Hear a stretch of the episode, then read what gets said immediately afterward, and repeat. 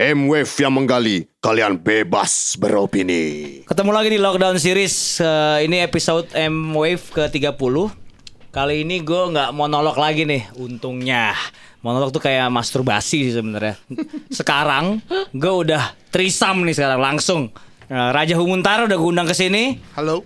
Cafifa Kazali Halo semuanya. Bumi Mandela doang nih nggak datang nih Kenapa dia? Bob, mana Bob?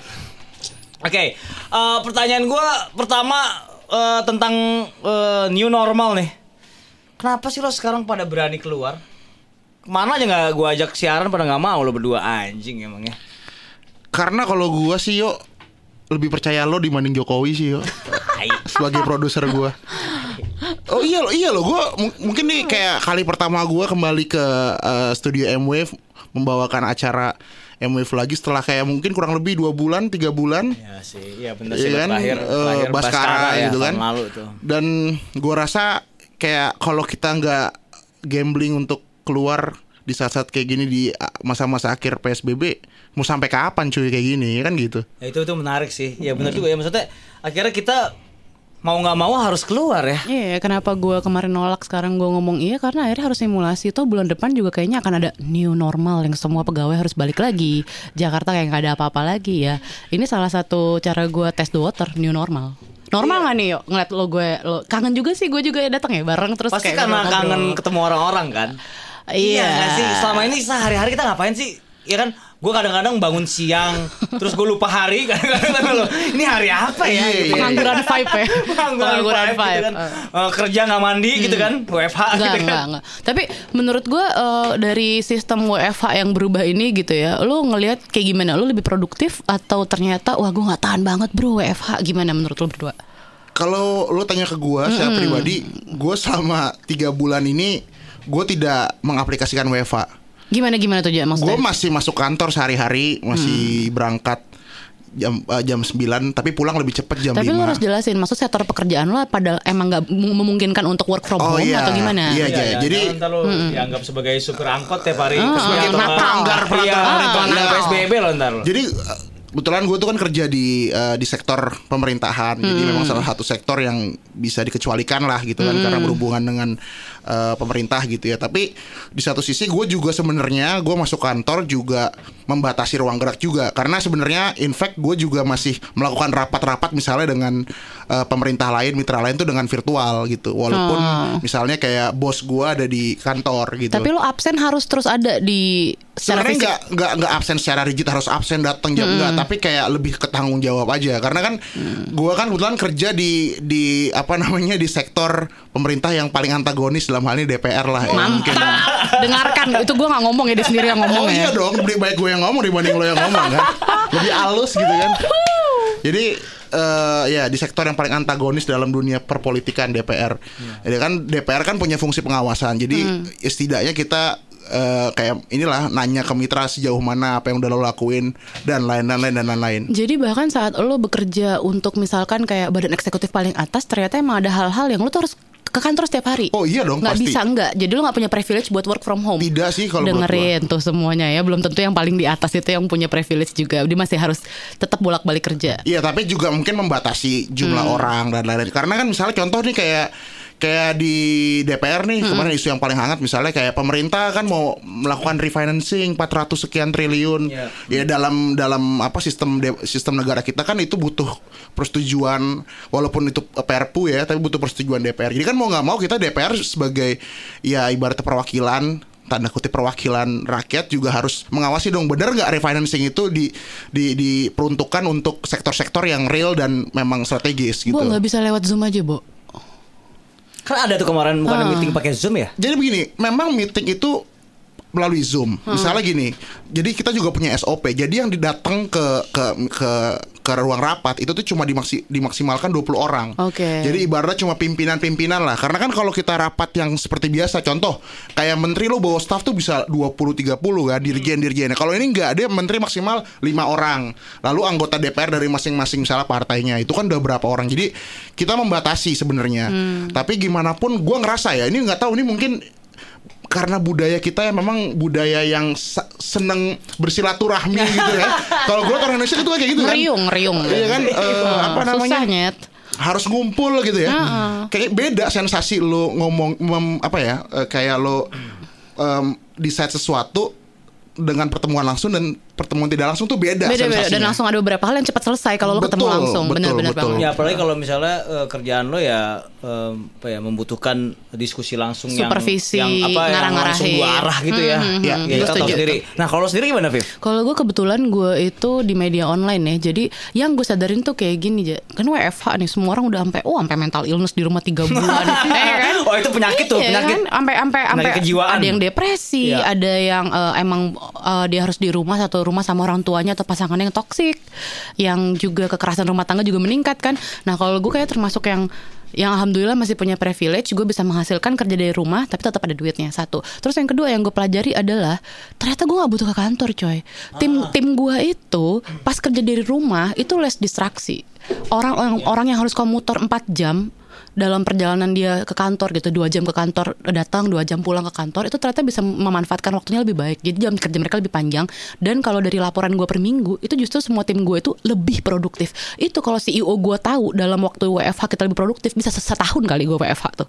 Jadi dia belum tahu sebenarnya. Tapi sebenarnya ternyata WFH bikin tim kami lebih produktif. Itu terjadi di Sebenarnya gue mungkin itu adaptasi yang eh, apa ya eh, masyarakat bisa tahu sekarang ya. Bahwa Hmm. sebenarnya ketika pandemi ini memberi eh, dampak positif tidak hanya negatif ya. Salah satunya dengan ya itu tadi. Iya. kita tidak perlu lagi pergi ke kantor. Gue jadi gitu tahu ya. ada beberapa sektor yang ternyata lebih kan- produktif. kalau gue sebagai penulis ya hanya di rumah gitu kan. Dan jadi jadi, aja ya, jadi bekerja di bekerja di rumah itu adalah eh, pekerjaan gue sehari-hari. Tapi gitu. lu zoom meeting masih pakai celana kan ya? Masih ya? Masih ya? Nggak usah terlalu Iya. bebas lah. Iya, jangan iya. terlalu. Pakai Eh, kelihatan sih jangan jangan terlalu be yourself gitu kan. Ada ada Ya. tetap ada norma-norma. Ya, itu akhirnya eh, sebenarnya beradaptasi dengan eh, New normal. new normal ini atau yang kita sebut dengan eh, peradaban baru gitu ya. Asik. As as asik. Nggak sesulit itu ya sebenarnya. Tapi itu dari kita yang punya privilege yo. Nah, itu. Iya kan? Betul. Garis bawahi, privilege. Gue gua sudah mengakui itu bahwa ternyata gue termasuk orang yang masih lebih beruntung daripada yang lain. Gue juga denger orang-orang yang teman-teman deket gue yang kehilangan pekerjaan.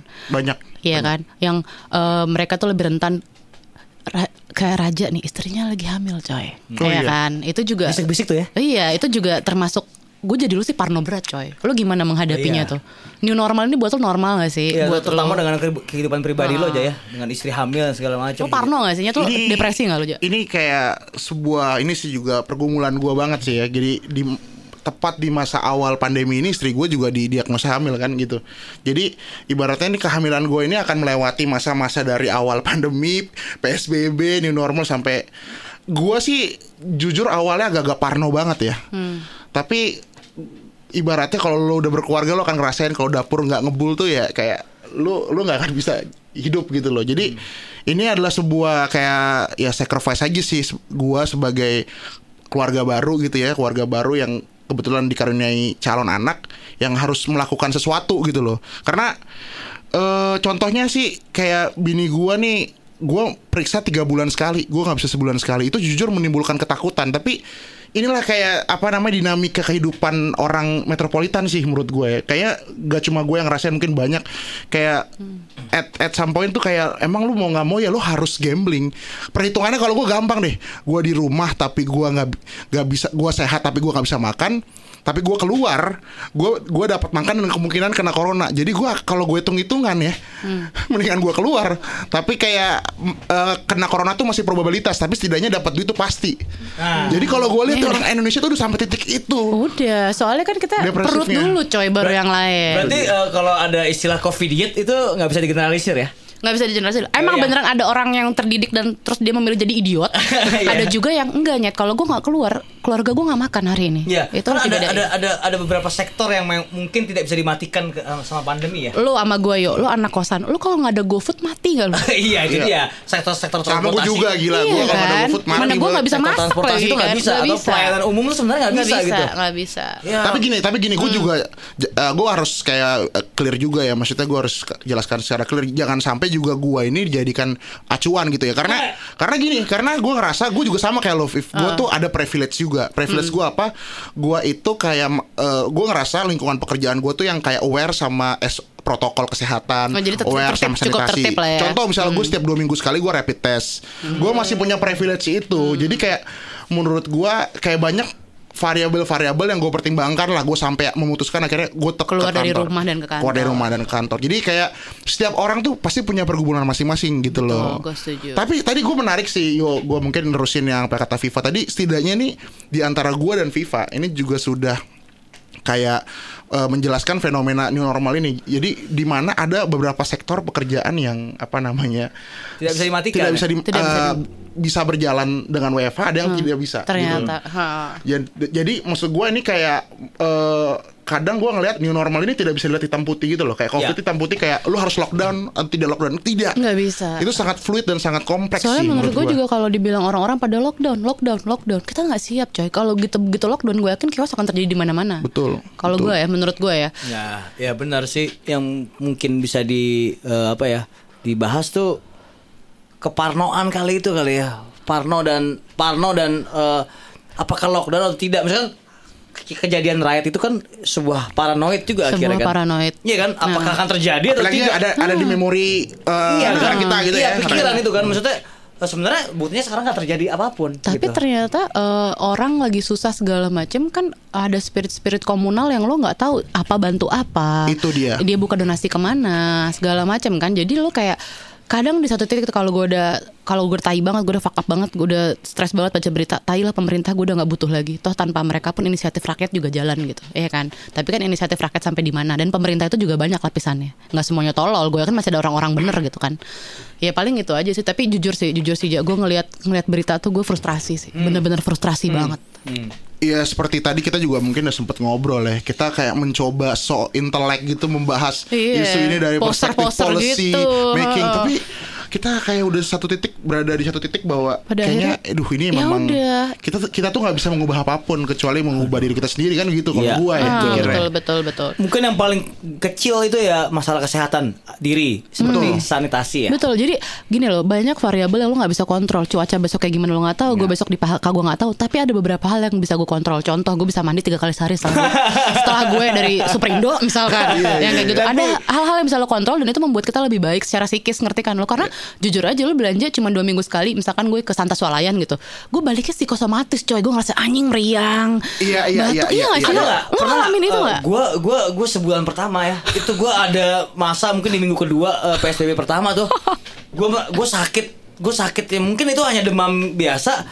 Tapi gue langsung parno ya, tadi ngomongin parno tadi kan. Oh langsung inget Allah ya lo Iya. ya langsung Bismillah Bismillah Syahadu Jangan-jangan Allah gue kena corona nih. Kalau gue kena corona, Tapi panjang itu dong. beneran ya psikosomatis. Iya kan? Nah sekarang gue pengen tahu begitu lu drop eh, cara lu untuk mem- membohongi diri lo semua bakal baik-baik aja yuk. Lu ngomong apa ke diri lo sendiri yuk?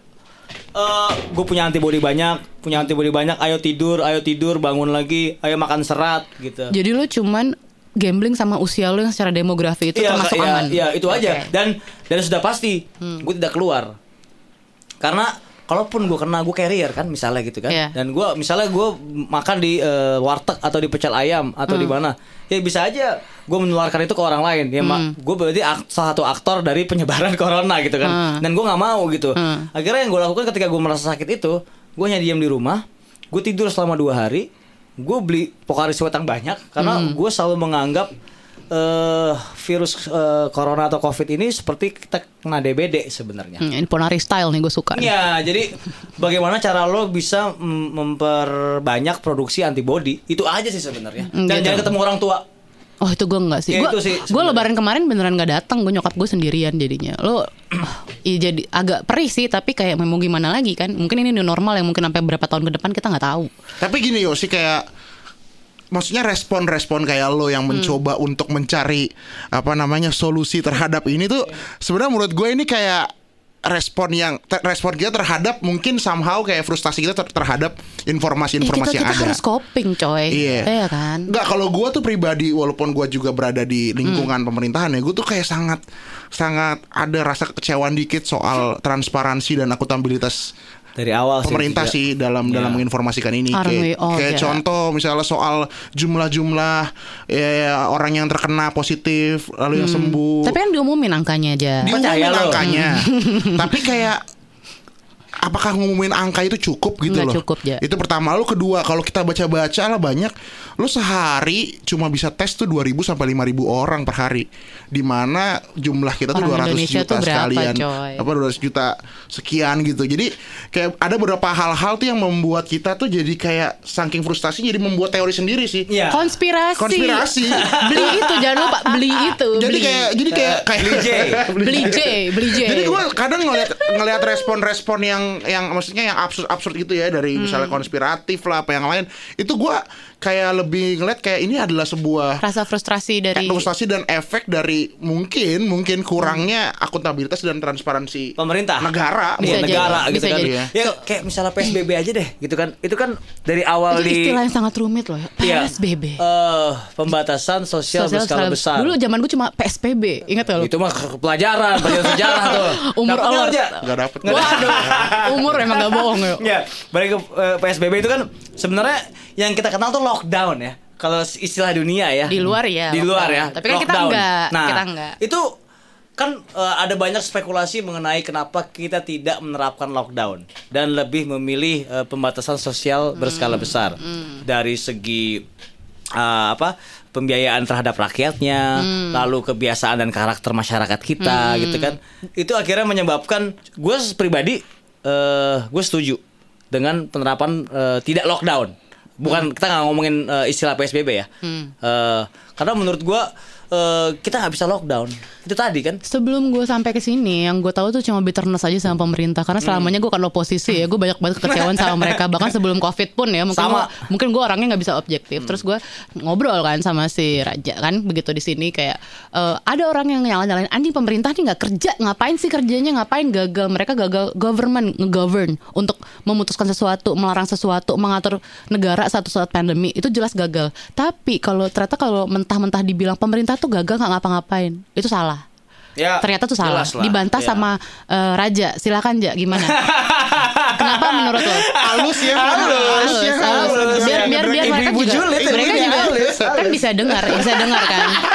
Ah, lo nggak bisa sembarangan bilang anjing nih Jokowi nggak ngapa-ngapain untuk pemerintah goblok nih semuanya nggak bisa. Nggak, nggak gini Ada ya, gue kontranya. gue harus kayak ini juga ya uh, Jadilah. PR yang baik Ja. Gue bukan juru bicara pemerintah. Gue bukan juru bicara pemerintah. Enggak lah, gue gue gue tadi gue bilang kalau Hmm. gue adalah orang yang sebenarnya yang kayak bergaul sama Rio dan teman-teman yang Hmm. satu visi lah.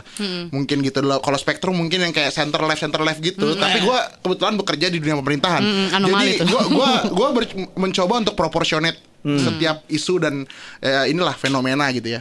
Tadi pertama gue akan jawab soal lu tadi lu nanya soal kenapa sih eh, nomenklatur PSBB yang dipilih Iya, heeh. dibanding lockdown. Jadi ini sebenarnya kan dalam keadaan seperti ini kan pemerintah harus melakukan sesuatu. Harus kalau enggak mengeluarkan gabut kebijakan sesuatu. coy. Nah, Nah. kebetulan dalam undang-undang kesehatan kita, kita tidak mengenal istilah lockdown. Yang kita kenal tuh ada beberapa kelas ada PSBB atau karantina wilayah. Karantina wilayah ya. Nah, karantina wilayah ini tuh mungkin kayak stage yang paling tinggi lah yang maksudnya benar-benar wilayah-wilayah itu di di di yang apa di- paling dekat sama lockdown. yang paling dekat sama lockdown Hmm. itu mungkin karantina wilayah tapi kita memilih PSBB nah PSBB itu kenapa kita dipilih tadi yang seperti yang gue bilang bahwa dalam melihat eh, fenomena corona ini nggak bisa dilihat kalau untuk ngomongin Indo- Indonesia ya tidak bisa dilihat sebagai problem kesehatan semata ini merupakan problem yang punya bersinggungan dengan ekonomi juga Hmm. Apalagi di saat kayak pemerintahan sekarang rezim sekarang ini lebih condong ke pembangunan-pembangunan itu tuh akan berdampak besar. Jadi kayak gua ngelihat ini adalah sebuah kayak pilihan uh, policy, gradasi dari pilihan-pilihan polisi yang ada untuk yang paling moderat menurut gue. Paling moderat. bisa mengakomodir eh, apa namanya? Semua karakter Semua untung karakter. rugi dari semua eh, polisi ya semua Ya. semua poli- pilihan polisi Dan dan yang- sekarang gua gua gua tanya deh emang ada satu ada sebuah format eh, formula ya formula dari negara-negara maju event negara maju untuk mengatasi corona Nggak Nggak ada. nggak Semua ada. trial and error, semua trial and error gitu jadi Iya. setidaknya gua gua setuju sih PSBB ini tuh kayak sebuah pilihan yang Iya, gua setuju juga. mengarahkan tapi tidak dictate gitu loh Gua lu mengarahkan Tapi jadi itu keluar kayak kayak jatuhnya tuh kayak eh, Permasalahannya Tanggung nggak sih, Iya, coy? permasalahannya menurut gua. Gua tuh pengen dia lebih Apakah tegas gitu PSBB loh. ini dijalankan secara disiplin atau tidak dengan segala macam eh, peraturannya gitu ya? Maksudnya kayak eh, oh, masyarakat tidak boleh berkumpul di jalan sebanyak lima orang gitu jelas kan ya? tidak kan yo ya. Iya. Kita udah ngeliat toh berita-beritanya. Iya, maksudnya ada ada juga walaupun eh, mereka menggelar razia gitu ya, eh, me- me- menyuruh pulang orang-orang gitu kan ya.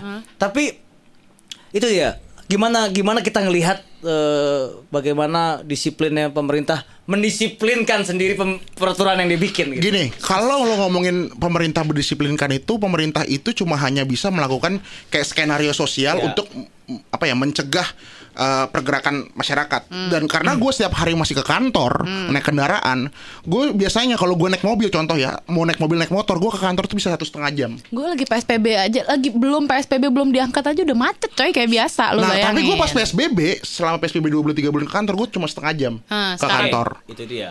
Jadi setidaknya tuh ada efek, tapi memang nggak signifikan ya. Tapi setidaknya ada efek. Jadi makanya gue bilang pemerintah itu nggak bisa sepenuhnya dictate semua orang harus di rumah. Kenapa? Karena dalam policy making, ketika pemerintah nyuruh orang ke rumah, pemerintah harus bikin kompensasi. Betul. Contohnya ini Kalau BLT gue, ah, misalnya. kalau gue nggak dagang sayur, lu bisa ngasih gue makan nggak coy? itu itu Iya dia, kan? itu dia. Nah tapi masalahnya kayak postur anggaran kita tuh nggak nggak mungkin lah. Lo mau ngasih ngasih makan eh, jutaan orang selama enam bulan ke depan itu nggak mungkin. Dan bahkan 400 triliun yang udah dianggarin aja untuk refinancing buat pandemi itu sebenarnya kurang. Sebenarnya kurang. Itu masih cukup untuk BLT. Tapi kita ngomongin APD, ngomongin penye, apa namanya pengadaan swab test itu masih jauh dibanding itu. Jadi ini menurut gue masalah yang sangat kompleks. Jadi gue tuh kayak lebih tertarik tuh ngomongin eh, kesadaran sih, kesadaran Nah, kita. itu dia. Kemarin gua eh, sempat naik eh, Grab car gitu ya. Eh, si supernya tuh pakai apa namanya? Kayak ada kurungan gitu. Iya, gue ngeliat di ada kurungan. Instagram, Instagram. Ada kurungan gitu. Terus, Pak, eh, ya pasti arah arah obrolan di perjalanan, gue di belakang kan, ah. karena aturannya gitu kan. Ah. Pasti arah perjalanan Lo pakai masker dong yo, Hmm? pakai masker. Pakai, tapi pas ngomong enggak. Oke oke. Jangan dicontoh. Terus eh, walaupun gue naik dikasih eh, sanitizer sama dia, itu kan sebuah protokol ya. Lalu eh, di perjalanan kita pasti ngomongin tentang eh, fenomena tentang virus kan. Kita ngomongin pada eh, bagaimana Jakarta menjadi epicentrum eh, corona di Indonesia gitu kan. Dari sudut pandang si eh, driver, dia bilang ya bukan salah pemerintah dia bilang gitu. Ini semua salah dari warga. Mantap. Udah disuruh eh, diam di rumah, mereka pada jalan-jalan gitu. Terus eh, jadi kalau mereka mati ya itu itu udah ris- risiko mereka karena Iya. dia bilang ngomong gini. Karena semua dunia pun nggak ada yang tahu gimana caranya me- menenangkan corona ini gitu Oh, kan. oke. Yang dibutuhkan adalah kesadaran seperti kata Raja tadi. Betul. Langsung gue kayak dem, oh oke juga ya. Berarti Dalam juga tuh ya. Iya. Grab ya. ketika kita Banyak waktu terus- berpikir. Nah itu dia. nyetir, nyetir Ketika- anjing. Ketika Gitu kan. kebanyakan dari kita kebanyakan menuding eh, Pemerintah jadi bitter. Jangan jangan lupa juga bahwa sebenarnya yang dibutuhkan eh, manusia untuk bisa lolos dari kematian corona atau Adalah- kena sakit corona adalah kesadaran diri sendiri. Wait, seru gue potong dulu. Karena Gunat Electric bakal mainin lagu pertamanya. Satu dari tiga yang bakal kita dengerin di lockdown series terakhir kali ini. Hmm, Soal Gunat Electric Mereka baru aja ngerilis album penuh ketiga setelah 13 tahun. Judulnya Misteria Yang menurut gua kedengaran dingin dan hipnotik Vokalnya Henry Foundation yang datar berhasil ngasih kesan yang stoik seperti biasanya sih. Maksud gua, karena kita nggak lagi ada di tahun 80-an, bukan berarti new wave nggak bisa berkembang lebih jauh lagi. Dan formasi Gunat Elektrik yang baru berhasil ngebuktiinnya. Dengan tambahan tiga orang yang sebenarnya nggak asing lagi. Ada Hans Sabarudin. Buat lo yang nggak tahu siapa dia, nih gue sebutin band-band yang pernah dia bikin. Come on Lennon, Seaside, Pandai Besi, Blossom Diary, Whistler Pose. Dia juga laku di banyak band ini main gitar, ngebantuin. Di band kayak Sugar Star, The Sweater, The Dying Sirens, White Shoes and Couples Company, Efek Rumah Kaca, Saja Makat, Bangku Taman, Dear Nancy, Clarinet, Zik and the Popo, Rumah Sakit, Santa Monica, banyak dah pokoknya. Terus ada Vincent Rompis. Nah nongol nih dia nih. Bekas basis Club 80s dan seorang pelawak yang edgy menurut gua. Tai. Ya gaya main bassnya mirip sih kayak Peter Hook dari New Order dan apa Joy Division. Lalu yang terakhir eh, di bagian backing vokal ada seorang perempuan jelita namanya Priscilla Jamail. Dia dulu pernah ngebentuk eh, Monday Mad Class.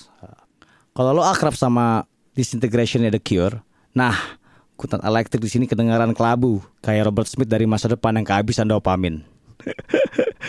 ya mungkin lo juga suka ngikutin eh, roster-roster scene pop dari Dice Record macam Drop Majesty atau mungkin Psychic TV itu si Genesis P. Orich ya. Lo pasti bakal terhenyak dengerin Misteria. tersesat menyaksikan pemandangan akhir dunia yang digerogotin virus corona. Cocok dan relevan lah eh, sama keadaan sekarang. Ada juga aroma post-punk. Sedikit gitu ya. Tapi bukan sakit ayan ya kayak Ian Curtis, mainkan yang dreamy. Pokoknya Misteria siap bikin air mata anak-anak God meleleh. Nah, di sini Henry Foundation bakal main gitar sendirian. Cuma bermodal efek chorus dan reverb yang hanyut bin bengong di jam-jam subuh. Oke, siapkan lilin satu watt dan rokok nggak habis-habis. Good night electric.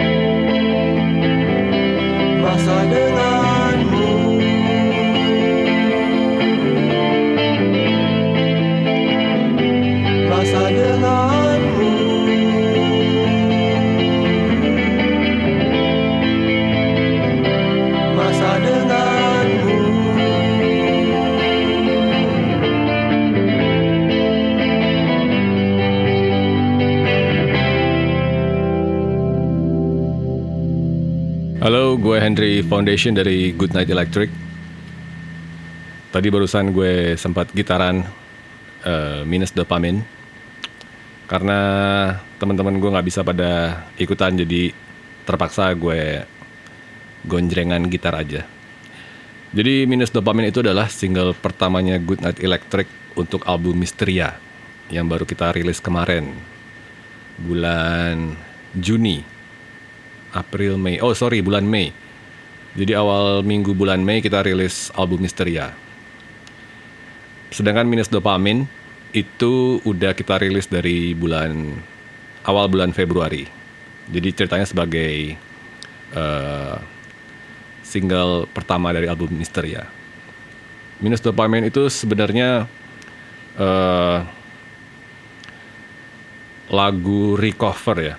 Jadi awalnya emang gue lagi mencari materi eh, untuk lagu Good Night Electric. Jadi ngoprek-ngoprek hard disk, coba dengerin demo-demo yang pernah gue bikin dari masa lampau ceritanya. Terus akhirnya gue malah nemu satu demo yang sebenarnya gue bikin buat side project gue gitu. Jadi gue punya band namanya Vault, Vague Under Lightning Tiger.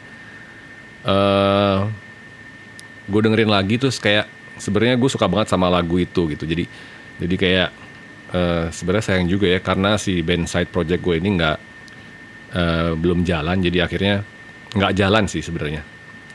Itu itu project tahun sekitar 2010-an lah. Dan dan dan lagu itu pun juga dibuat tahun segitu demonya. Jadi gue coba dengerin lagi dan eh, gue putuskan untuk di aransemen ulang ke dalam versinya Good Night Electric Eh, sampai gue rubah juga liriknya. Karena yang versi aslinya tuh pakai bahasa Inggris.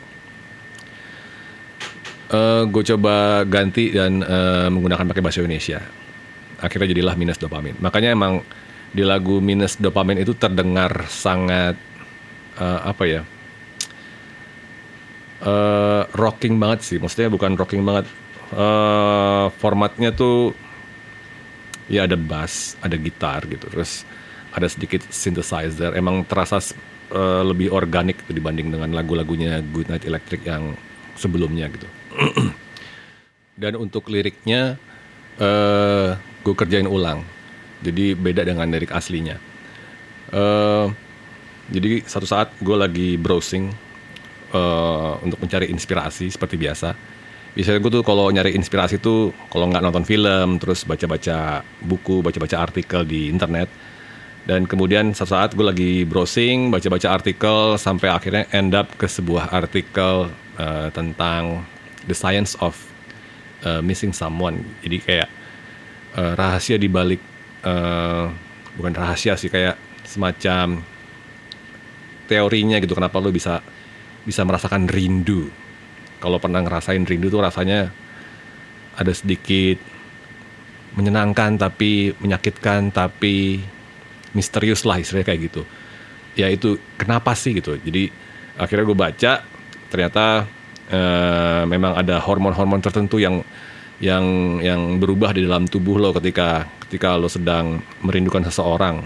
Contoh misalnya lo sedang merindukan pacar lah yang paling simpel ya.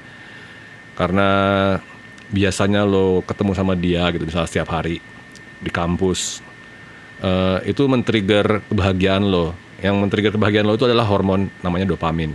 Salah satunya ya namanya dopamin dalam tubuh lo. Jadi eh, tubuh lo memproduksi dopamin terus menerus lo happy lo bahagia ketemu dengan pacar lo. Terus suddenly tiba-tiba eh, misalnya pacar lo tiba-tiba eh, pindah ke luar negeri gitu hilang di depan muka lo lo nggak ada. Lo merasakan kerinduan lo sedih depressed. Karena yang tadi lo disuplai dopamin secara rutin. Dopamin tuh kayak hormon kebahagiaan.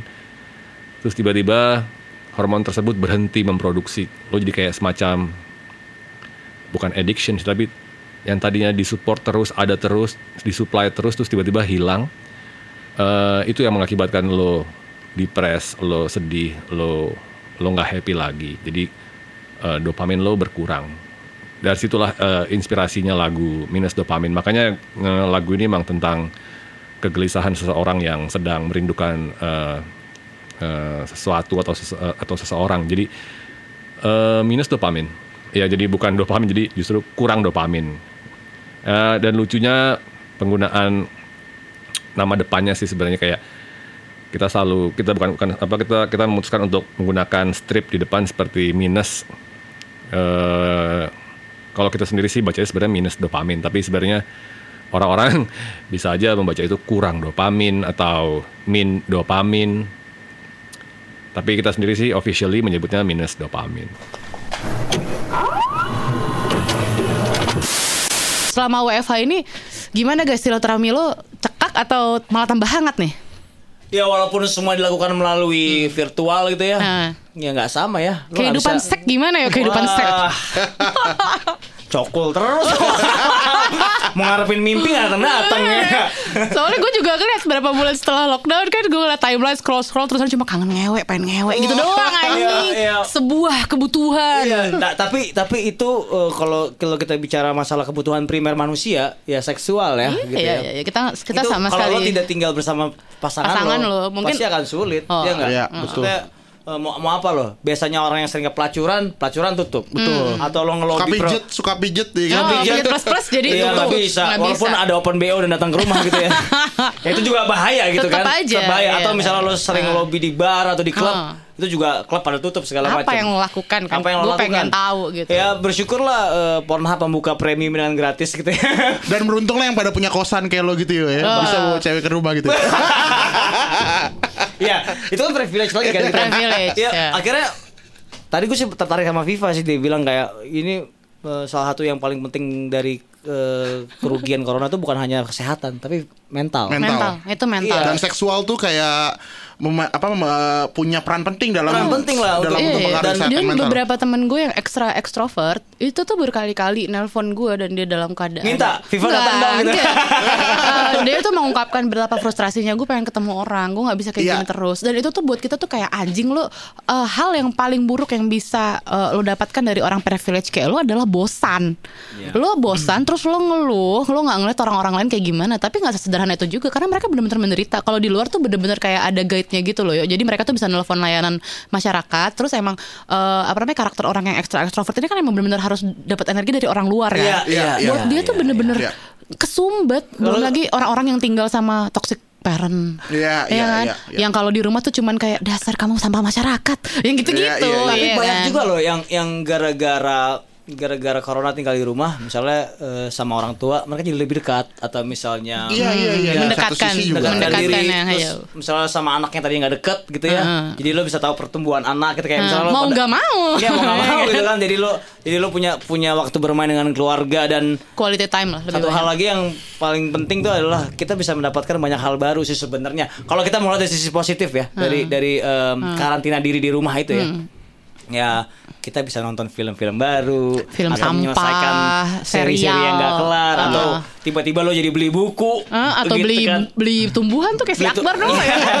Ya kan? Ahli botani sekarang kan. Lo S3 punya- tumbuh-tumbuhan. Bahkan ber, berwirausaha sendiri. Nah, Itu jadi Prospeknya tuh kayak sebenarnya kayak gue gue mulai menonton eh, banyak eh, film-film jadi langganan Netflix gitu tiba-tiba. jadi langganan Sebelumnya ya. langganan. Sebelumnya apa? Sebelumnya Gua- minta password orang enggak, ya. Iya, itu juga pertama. Yang kedua ini non- nonton movie.com. Bioskop 21. eh. eh, masih ada ya, masih ada. Masih, ada, ada Masih, beberapa, masih. ada beberapa, Ada beberapa, ada Jadi beberapa. setelah itu gue karena eh, apa yang mesti gue lakukan ya gitu ya Iya, iya, eh, iya. di sini ya akhirnya gue mulai dengerin kaset-kaset gue yang nggak gue lama gue nggak denger habis itu Jadi banyak me time juga lo ya. Iya, Banyak me time, banyak. betul. Yang paling keren adalah banyak banget orang bikin mixtape. Oke, apa- playlist saat sange, saat corona. Iya, misalnya iya. gitu kan.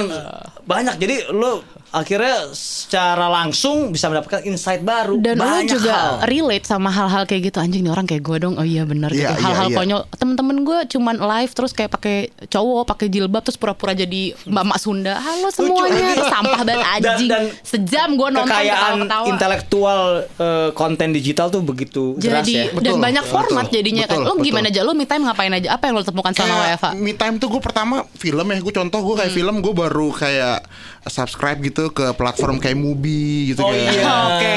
gue menambah maksudnya kayak gue cuma Netflix doang gue movie jadi gue nonton nonton film klasik gitu gue jadi kayak lebih gitu terus gue juga ngeliat satu karena gue juga eh, ya gue main musik juga gitu ya main musik Eh, gue ngeliat di di saat-saat kayak gini banyak teman-teman gue yang kayak selama ini nggak pernah mengekspos eh, kesukaan dia terhadap musik Iya, gitu main betul. gitar main drum tiba-tiba gara-gara corona ini jadi kayak Bikin video.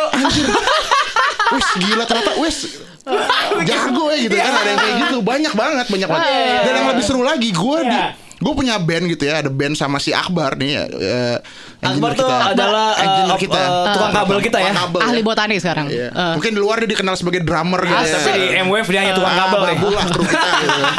Jadi gue punya band sama Akbar malah selesai rekaman dan selesai proses single itu malah di saat ini Jadi lebih produktif lo punya waktu untuk Tapi menyelesaikan ya, yang nggak berkarya, selesai. Jadi gue Iya. setuju kayak ini ini kayak eh, memper ini juga kayak ngedrive apa namanya sisi intelektual Iya. seni lo ya. Gak harusnya nih sih sebenarnya apa pun ya otak kanan kita lah ibaratnya mungkin kadang jadi kayak lebih terekspos gitu ya. Selama ini mungkin kita jadi terlalu robot yang orang kayak Iya, cuma iya, iya. pergi naik kereta pulang nyampe rumah Hmm, makan capek, malam tinggal tidur Iya, doang. gitu. Dan gue juga ngerasa ini tuh kayak apa namanya kayak ngedrive lo buat apa ya kayak memutus eh, kehidupan yang ritmenya tuh cepat banget gitu loh kalau di ibu kota. betul. Lo Memerankan, dipaksa, ya. untuk melamban. Iya, iya. Iya kan. Sekarang gue temen ngobrol gue cuma kucing gue coy. Gue sering banget ngobrol sama mereka daripada Udah gua bisa bahasa kucing lo sekarang. Udah, Udah udah, bisa bahasa kucing. Sedikit banyak. Barang yang lo sesali impulse buying selama Iya, WFH iya, iya, apa iya, tuh? iya, Lo iya, beli iya. apa aja? Kalau gua kayak musik-musikan gitu kan, Apa tuh, kayak gue beli-beli merch gitu kayak alat-alat musik yang selama ini kayak ah beli-beli. Sekarang Iya, iya. gue benar-benar Karena- terkontrol. Kalau gue gue tipe orang nggak belanja digital. Hmm, jadi apa Gue adalah orang yang datang ke pasar loak gitu ya, lalu beli barang-barang di situ atau datang ke toko dan langsung beli gitu ya. Gue Sekarang? beli digital karena sekarang mau nggak mau gitu kan. Nah, lo baca buku udah capek bosan. Lo kerja capek butuh istirahat gitu kan. Lalu lo nggak bisa ketemu orang.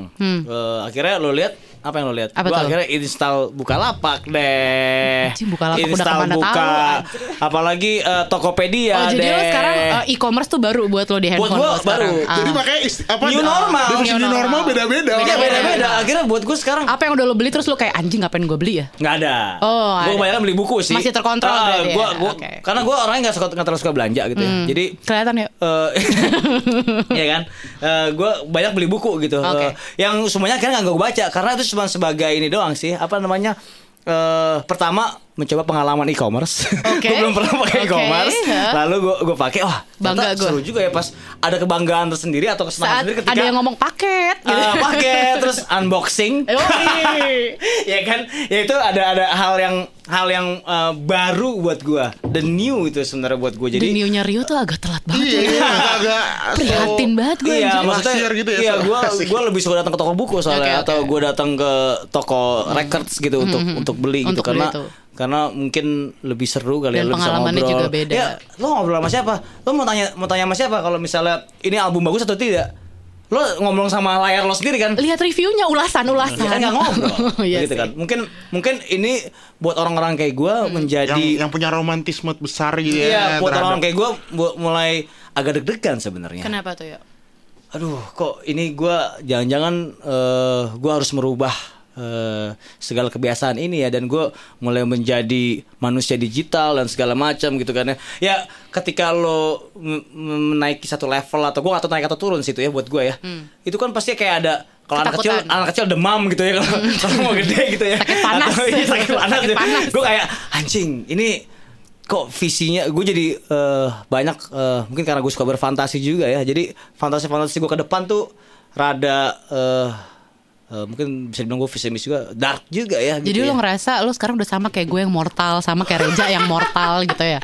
Mer mortal aja kayak Iya, biasa iya, gitu ya. ya misalnya gitu kalau lo apa dapat dapat apa berkarya lo bikin puisi sekarang Agak sih? anjing apaan Gue tuh orang paling gak punya life gitu di sini Gue impulse buying gue Gue beli air mancur buat kucing gue lo dong.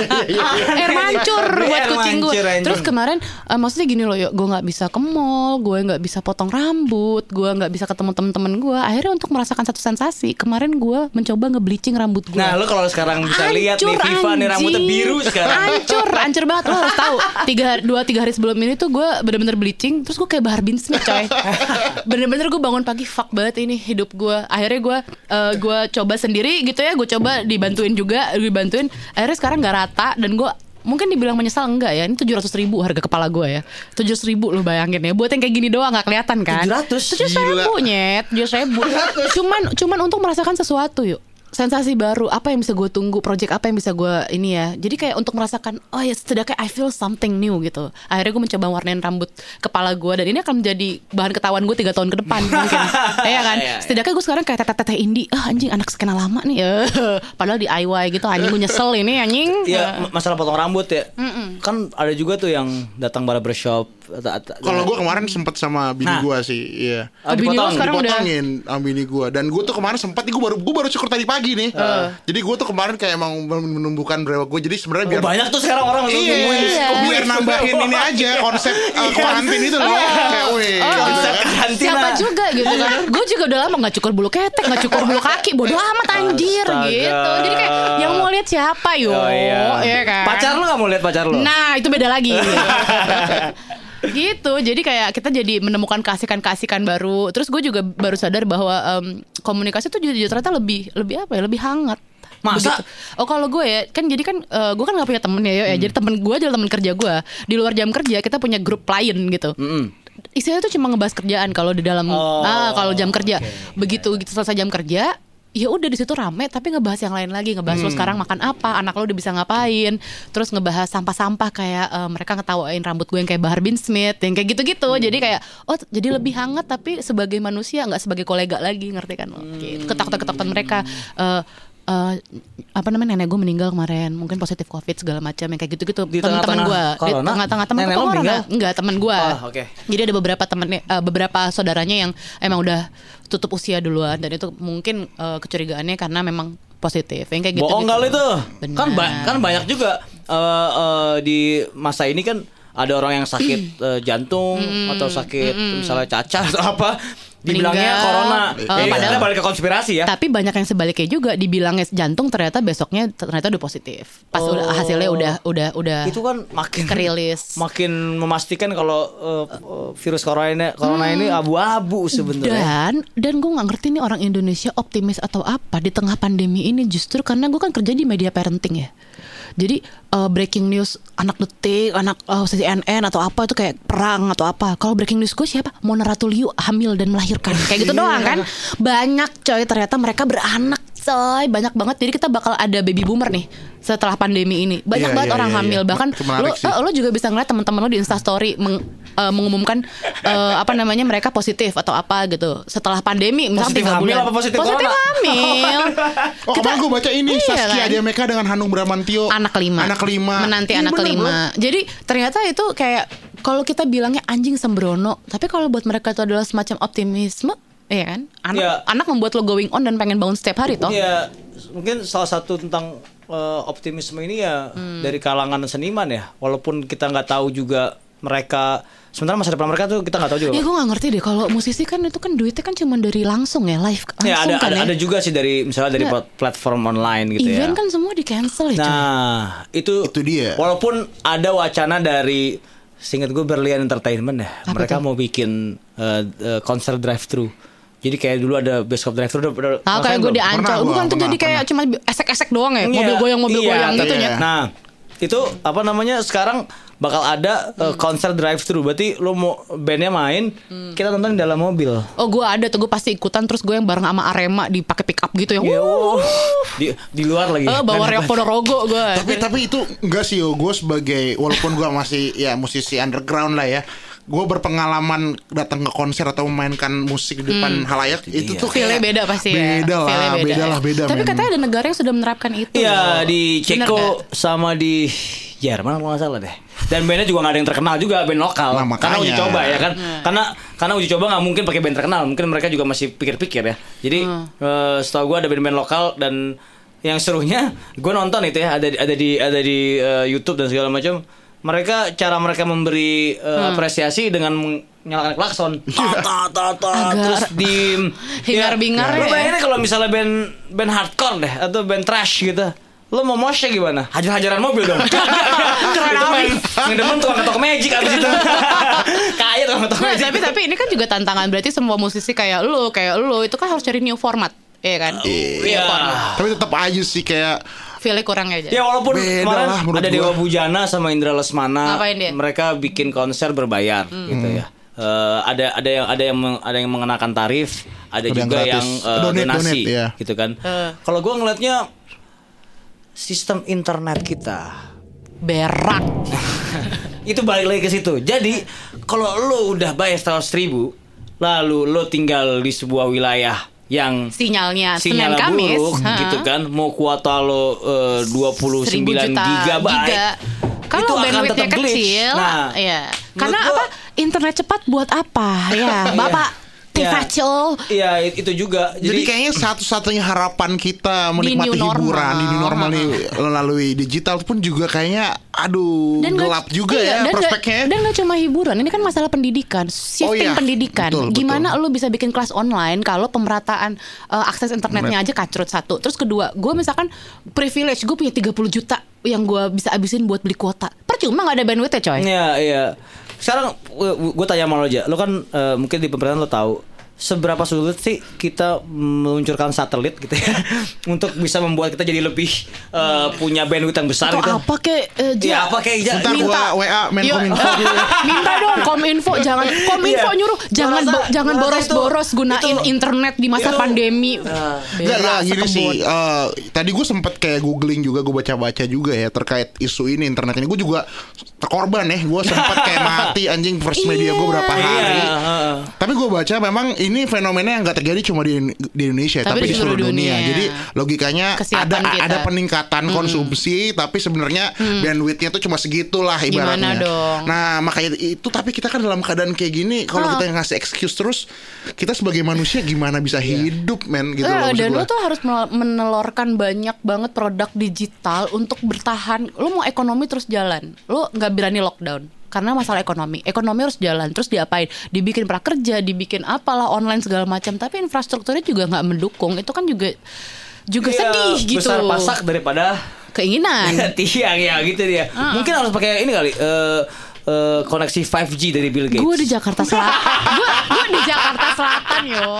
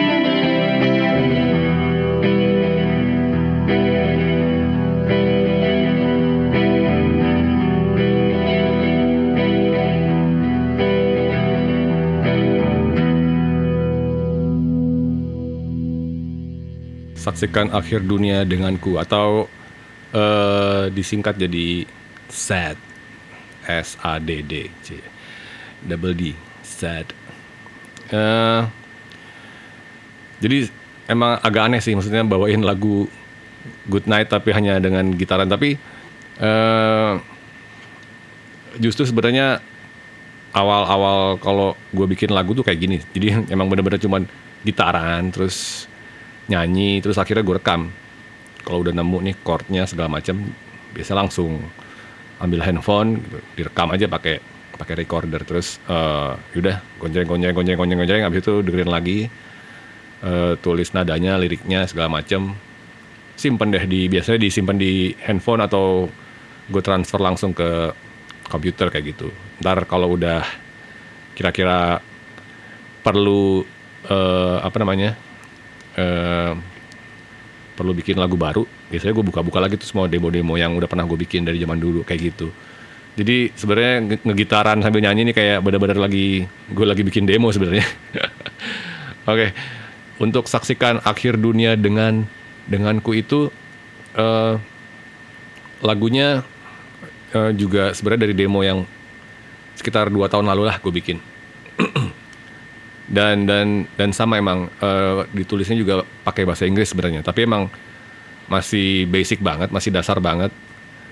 Eh, terus gue pikir eh, ini cocok nggak ya buat buat Good Night Electric gitu. Karena karena tone-nya sangat gelap gitu dan dan dan Good Night belum pernah punya lagu segelap ini gitu. Maksudnya semuram ini. Jadi hmm, pas lagi dipikirin maksudnya ya nggak ada salahnya juga sih untuk untuk untuk coba eh, untuk coba eh, mengaransemen lagu ini ke dalam musiknya Good Night Electric. Akhirnya eh, gue ubah sedemikian rupa di arrangement lagi musiknya.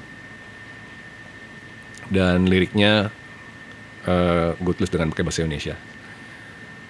Gue rubah lagi dengan bahasa Indonesia lagunya sendiri itu tentang nah ini ini sangat sangat lucu sih. Jadi emang ketika mengerjakan album Misteria ini gue sebenarnya juga punya sedikit eh, kendala untuk menulis. Jadi eh, semacam inspirasinya gitu susah banget.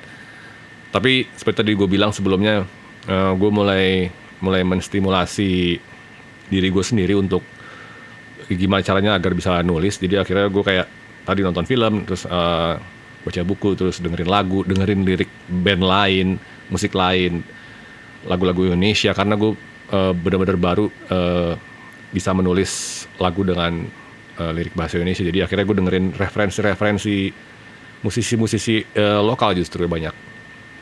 Eh, untuk ceritanya sendiri saksikan akhir dunia itu eh, terinspirasi dari pasangan-pasangan. Sebenarnya pasangan-pasangan yang yang apa ya yang yang terbuang lah dari dari masyarakat ceritanya kayak gitu. Maksudnya bukan terbuang maksudnya kayak nggak favorit gitu. Nggak seperti kayak Raisa sama suaminya gitu kan yang is yang ceweknya cantik banget cowoknya handsome keterlaluan gitu. Sangat favorit disukai oleh masyarakat lah istilahnya kayak gitu. Ah, ini ini ini nggak ini justru kayak opposite-nya. Mungkin bisa bisa digambarin kayak misalnya kayak Sid Sid Vicious sama Nancy. Atau yang paling terakhir itu atau misalnya kalau pernah nonton film Natural Born Killer itu kayak ada ada sepasang kekasih tapi uh, serial killer gitu yang brutal kayak gitu. Mereka nggak favorit seperti seperti pasangan reject lah kayak gitulah.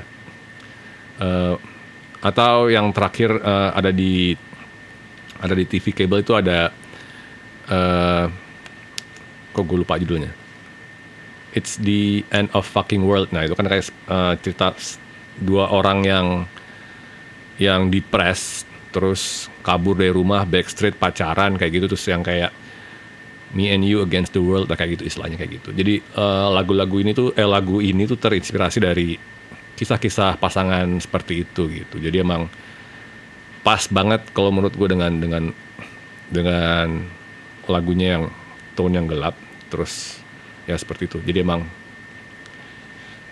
cocok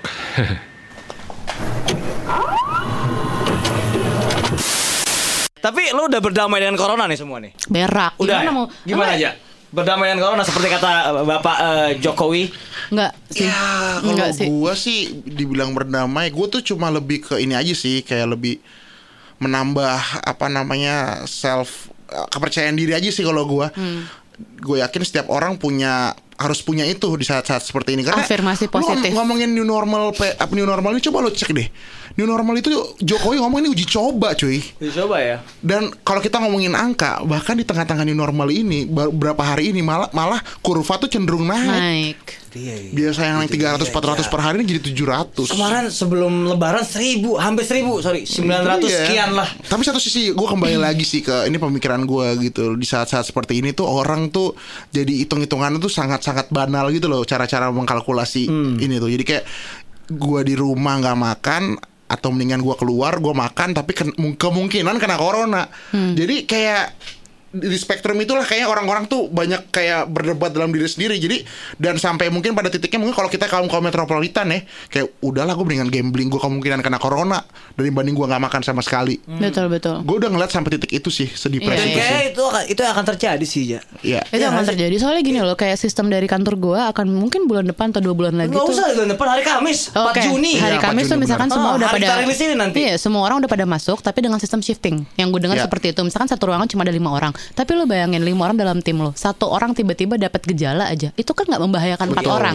Itu lima orang akhirnya nggak bisa bekerja. Perusahaan siap nggak buat outsourcing pegawai mereka? Gue rasa nggak ada pos tambahan untuk itu. Jadi menurut gue eh, bersyukurlah orang yang bekerja di sektor yang dia ternyata pas WFH bisa jalan. Iya. Iya kan? Nah, yang masalahnya ini adalah orang-orang yang harus kerja setiap hari, yuk. Atau mulai besok udah dipakai baju zirah kali orang-orang. Bisa jadi. Iya sih. Ya demi Bisa jadi. Sekarang sebenarnya kan yang bikin kita parno dan tadi lo ngomong kayak gitu kita punya fantasi-fantasi eh, gelap dan raja mungkin juga eh, sesuai dengan probabilitas tadi.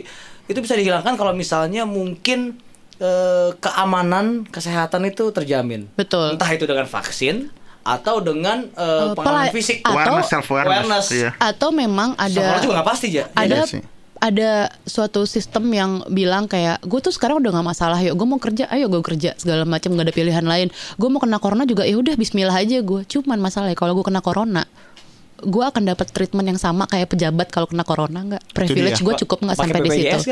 BPJS tuh gini 5 jam dulu BPJS dia naik 400% juga gue bayar asal layanannya itu sebagus asuransi swasta atau swasta pribadi. Kan masalahnya enggak nggak segitu nggak sesederhana Betul, itu gitu kan betul. nah masalahnya tuh itu gue takutnya tuh doang kena corona pasti kayaknya kalau ngelihat gaya hidup dan dan new normal dan new normal ini tapi masalahnya abis itu gue dirawat nggak gue takutnya itu terus kan gue ini kalau gue ini ya kalau gue mau jahat ya yang setiap hari mati tuh gue lihat tuh tenaga kesehatan Ya. Iya. orang-orang goblok di DPR kapan matinya yang Raja? jahat yang Raja, jahat gimana Raja? Udah ada yang mati kali. yang Udah di yang, eh, eh, yang mati. yang mati ya? gitu kan Kayaknya dua sampai tiga orang lah. Oh iya? Iya, itu. Eh, DPR Jakarta kapan DPR gitu pusat, DPR Oh iya? Nggak, ya, lo udah bayangin, yo, misalkan gue satu rumah sakit sama menteri gitu, Iya. gue rebut-rebutan ventilator, ya jelas dia lah yang dikasih Betul. karena menteri adalah aset negara kamu siapa sampah. Itu dia mungkin new normal itu Ada ketakutan kayak gitu ya, gue Iya. sebagai gue kan mentalnya babu banget ya. mungkin ya new normal itu bukan hanya diterapkan terhadap masyarakat saja, Tapi- terhadap ke pemerintah dan segala sistem. Misalnya tadi tentang menteri tadi itu ya. Heeh. Kalau kebanyakan eh, kebiasaan kita selama ini kan mendahulukan orang-orang yang tanda kutip penting. Betul. Orang miskin selalu dikebelakangin. Betul, iya. Walaupun mereka punya eh, tingkat penyakit yang lebih eh, Kritis misalkan. Hmm. Mungkin eh, definisi new normal ini mesti kita kaji ulang, gitu kan ya.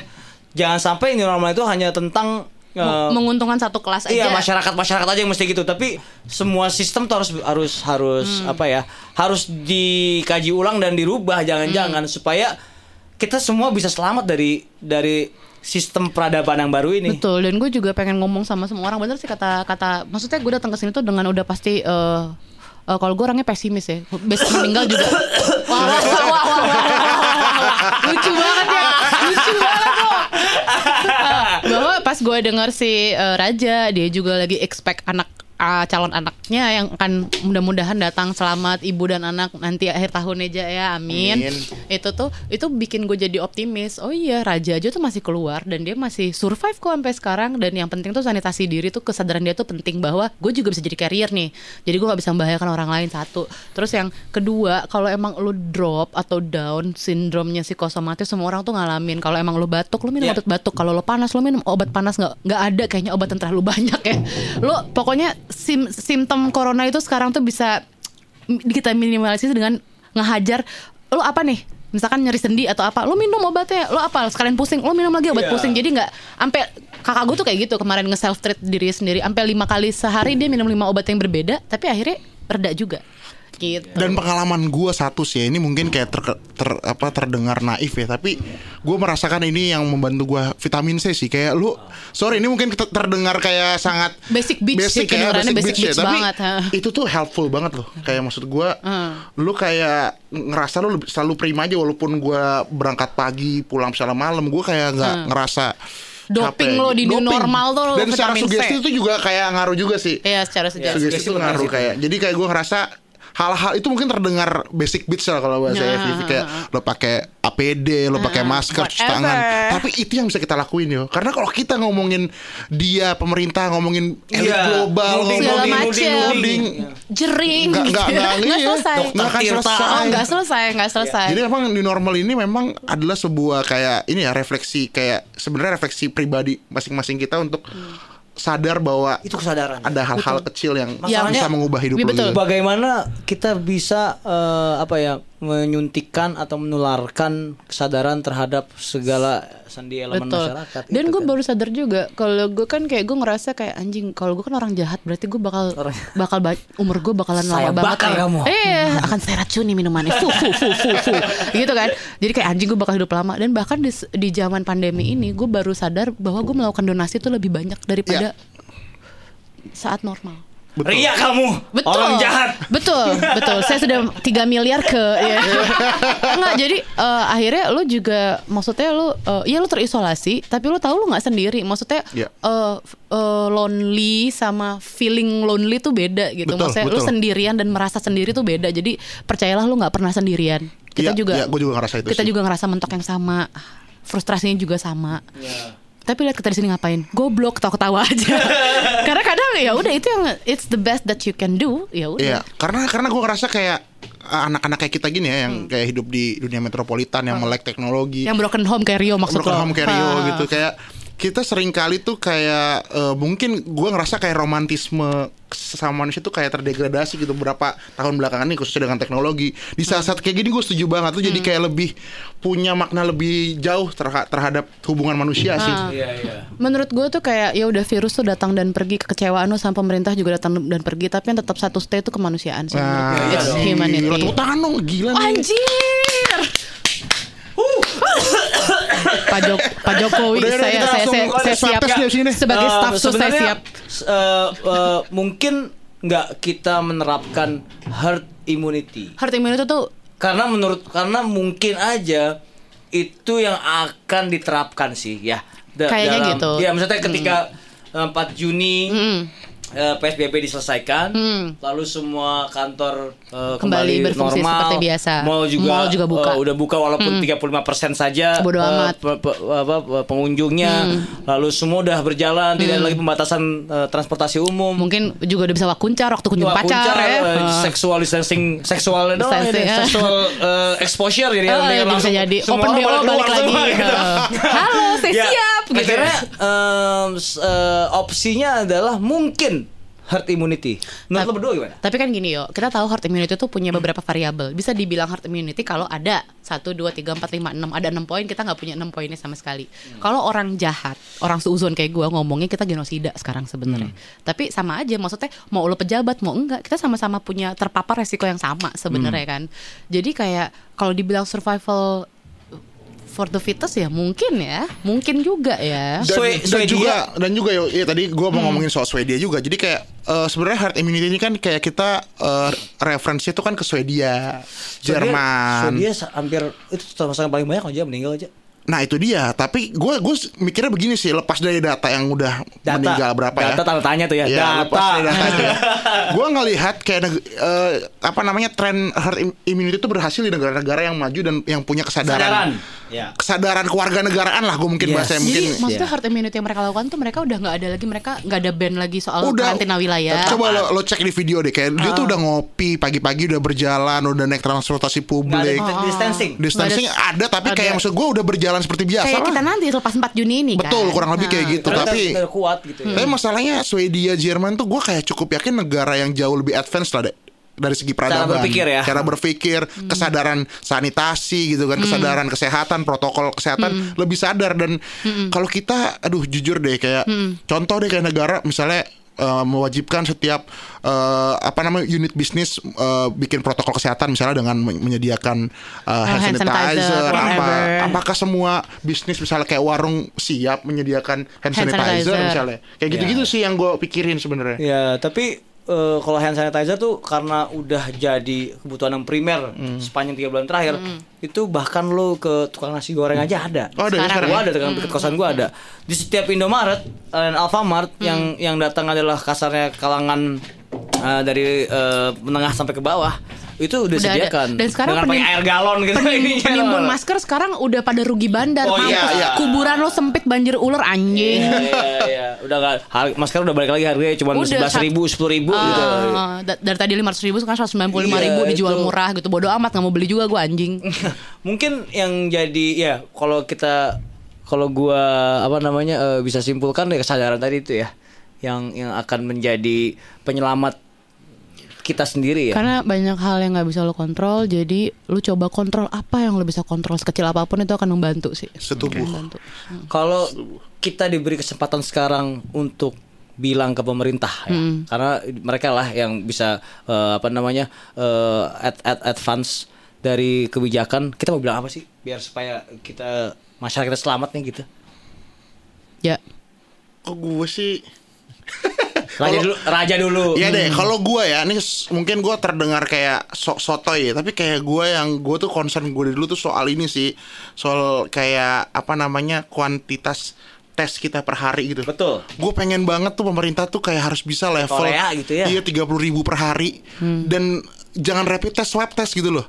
Kalau gue itu sih, kalau pemerintah memang visible untuk memiliki anggaran untuk pengadaan, please banget itu yang diutamakan. Lalu kedua adalah soal transparansi, Ya. transparansi data kayak orang ini tuh kena di mana saja. Itu kan kita harus tahu, cuy. Kita nggak pernah tahu orang yang kena itu ternyata pernah ketemu kita kemarin gitu, lagi ngopi bareng jadi apa kayak gimana. dibuka datanya kemarin Dibuka datanya tiga itu hari ke- wajib tiga hari gitu. kemarin tujuh hari kemarin dia ngapain dan di mana Di mana transitnya saja. kayak Kalau gitu. berarti eh, ini sempat gue bahas nih kalau misalnya tentang transformasi tadi.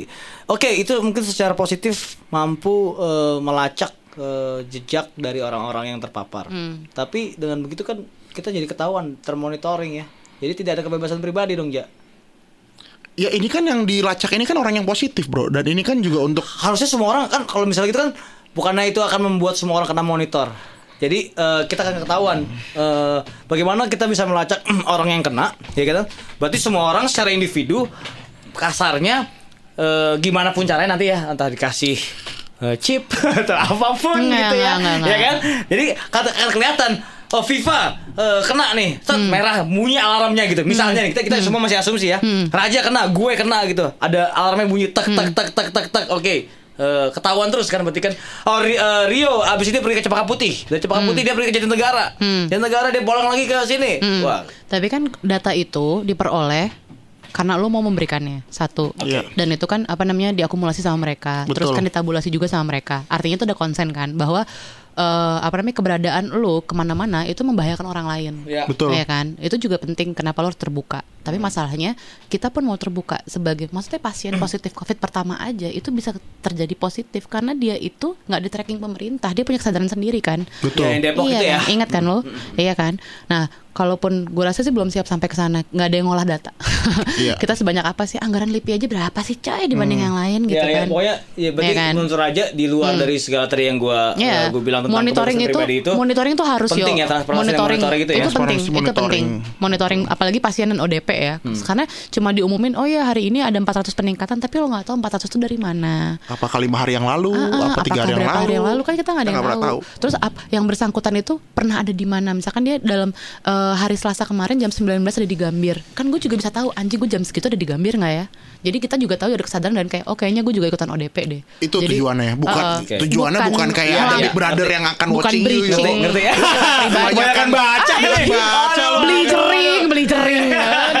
Oke ya oke. kan? Oke kalau lo gimana? Kalau gue cuman kayak gini sih kalau gue eh ini pemerintah ya maksudnya buat semua rezim orang baik itulah ya stop lu kebanyakan gimmick anjing. Ya stop kebanyakan gimmick dan maksudnya lu dengerin ahli beneran dengerin kalau emang ini soal pandemi keadaan ini soal apa namanya masalah kesehatan masalah sains segala macam ya lu dengerin orang yang emang kapabilitasnya di sana gitu. Dan kayak maksudnya eh gue nggak tahu sih gue jahat banget sih ngomongin kayak gini tapi lu mungkin enak ya di privilege paling atas piramida paling atas tapi eh gak tahu sih gue nggak ngerti kenapa orang-orang kayak gitu tuh bisa masih tidur nyenyak setiap hari dengan anjing lu ngelihat kemarin perawat yang lagi hamil 7 atau 4 bulan itu meninggal. Iya. iya kan? Terus taruhlah salah satu menteri kita corona gitu positif dan dia ditreat sampai selesai. Dokter yang ngetreatnya meninggal. Iya. kenapa yang meninggal tuh orang-orang yang justru orang-orang yang nggak punya agenda dan cuman berjuang buat tugasnya? Maksudnya dia setia sama profesi ngerti kan lo? Lu tuh dibayar pakai duit rakyat lah istilahnya lu setia sama kita ya saatnya sekarang gitu setia sama kemanusiaan. Kalau emang lu masih punya hati ya menurut gue ya. Dan sekarang kita jadi tahu kan karena karena kita nggak bisa temu temu setiap hari segala macam sekarang kita juga lihat betapa bobroknya sistem pendidikan yang nggak siap ya kan Ya, itu- lo itu- bayangin itu kalau juga kita dua tahun WFH Itu gawat juga terus dua tahun kita ketinggalan anak-anak nggak bisa naik kelas dua tahun semuanya Mbak. gobloknya sampai berapa tahun ke depan Itu juga. iya kan itu, Itu juga juga ketahuan mungkin- itu juga Mungkin eh, sistem pendidikan juga harus dipikirkan tuh ya. Iya. Dan internet sih. wah Itu terakhir tuh. terakhir tuh internet, Internet sih. sih. Maksudnya lo nggak usah nggak usah nyodor nyodorin gue point for us segala macam nggak usah nyodor nyodorin gue wah para kerja semuanya online tapi lo ah, ya. Gue gue gue sendiri nggak tahu gimana caranya supaya kita bisa melebarkan bandwidth gitu ya. Tapi kalau eh, yang dikeluar-keluarkan adalah tentang eh, dunia digital, lalu terus kayak, kayak e-commerce menjadi e-commerce menjadi eh, apa em, apa tujuan utama pemerintah untuk meningkatkan ekonomi, Ekonomi, segala ya, macam. ya. Tolonglah Bikin akses kita lebih Ya, gampang berarti kan e-commerce itu bukan tentang Bukalapak, Tokopedia, apalagi sih kayak gitu tuh. Eh, gua nggak tahu dah. online-online itu. Iya, online itu. Tapi juga eh, hal-hal yang lain gitu kan. Bagaimana orang bisa ngakses pendidikan Iya, itu dia. tutorial Paling penting pendidikan. Lu bayangin sekarang YouTube sumber pengetahuan ya yo.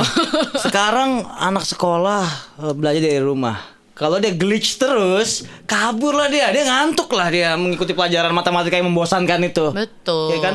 Dan mungkin kalau dari gue pemerintah eh, karena yang dipentingkan dari corona ini adalah antibody ya untuk bisa menyelamatkan lo. Mungkin lo bisa mulai eh, bagi-bagi buah gratis kali atau Ah, misalnya bisa. Dan Iya. lebih rapi lah Iya, komunikasinya. vitamin C lah. Vitamin C. Ah. Maksudnya bagaimana eh, apa hal-hal yang bisa meningkatkan antibody lo? Coba di di di apa namanya? Di up gitu ya. Dimurahkan Ah, atau di bisa apa? gitu kan. Itu aja kan gampang Akses gitu ya. kesehatan mungkin nggak ya. usah berbicara tentang politik dan segala macam, tapi itu kan eh, mungkin dasar dari kebutuhan eh, pangan. Ketahanan pangan kita mungkin harus lebih dipertahankan supaya orang sehat yang berantibody banyak eh, itu bisa berte- bisa lebih banyak lagi dan akhirnya menimbulkan herd immunity jadi jadi ter- terwujud andaikan memang itu itu eh, solusi dari pemerintah adalah ingin herd immunity. Karena Emang pertama kesehatan sana. berarti kan. Arahnya. Menurut gue sih itu sih ketahanan pangannya harus di harus diperkuat dulu gitu Iya kan. sih. Paling gue bilang stop gimmick. Ya Iya. udah lu kerja aja yang bener gitu kan. Atau Oke. gue diangkat jadi staff sus. Pak, Pak saya siap jadi staff sus Pak Bera. Berak digaji berapa? 1,6 berapa aja? 51 juta gue denger dengar 51 juta. Tuh belum tunjangan lain tuh kayaknya. Oke lah, oke lah. Berarti kalau gitu kita udah eh, ngebacot ya dari tadi ya. Hmm. Frustrasi, Eh, frustrasi. frustrasi. Tapi gue happy banget lo akhirnya bisa ketemu. Oh, Oh iya. iya, ih, gue seneng banget. Oh, ya walaupun eh, gue gak tahu lo carrier, Viva nih carrier Strahir ya gua anggap Atau kayak- Rio juga nggak ya? Gue Bismillah aja gue. Raja nih juga gua rasa nih.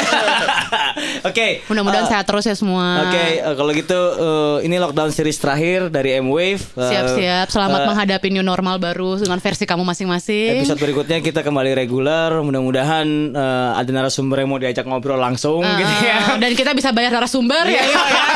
Ekonomi kembali. Wah itu dia tuh, itu juga, Ekonomi itu kembali juga. membuncah Mudah-mudahan ya Allah. eh, eh, tidak terlalu lama ini depresi ekonomi Betul. karena itu berakibat bu- bukan hanya eh, terhadap eh, apa pun Bisnis tapi tambang, tapi bisnis juga- tambang Ah, juga iya. bisnis eh, Yang apa nama lain gua? gitu kan. kelapa sawit gue juga mudah-mudahan Oh iya, eh, bagus, mudah-mudahan saham gua juga oke macam. gitu kan. Iya. Di- eh, Oke, sampai ketemu di eh, M-Wave berikutnya. Cabut. Thank you.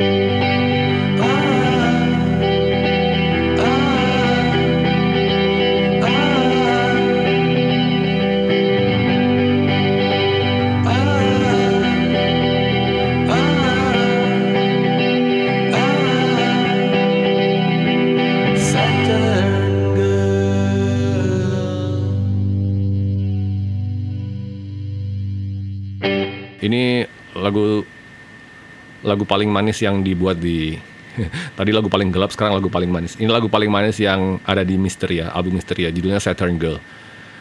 Eh ini lagunya sangat sangat simple dan sangat sangat pop sekali lagunya.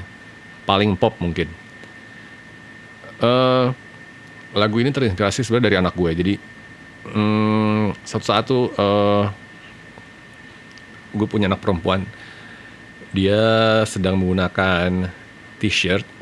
Ya random aja sih sebenarnya. Dia pakai t-shirt. Gambarnya planet Saturnus gitu.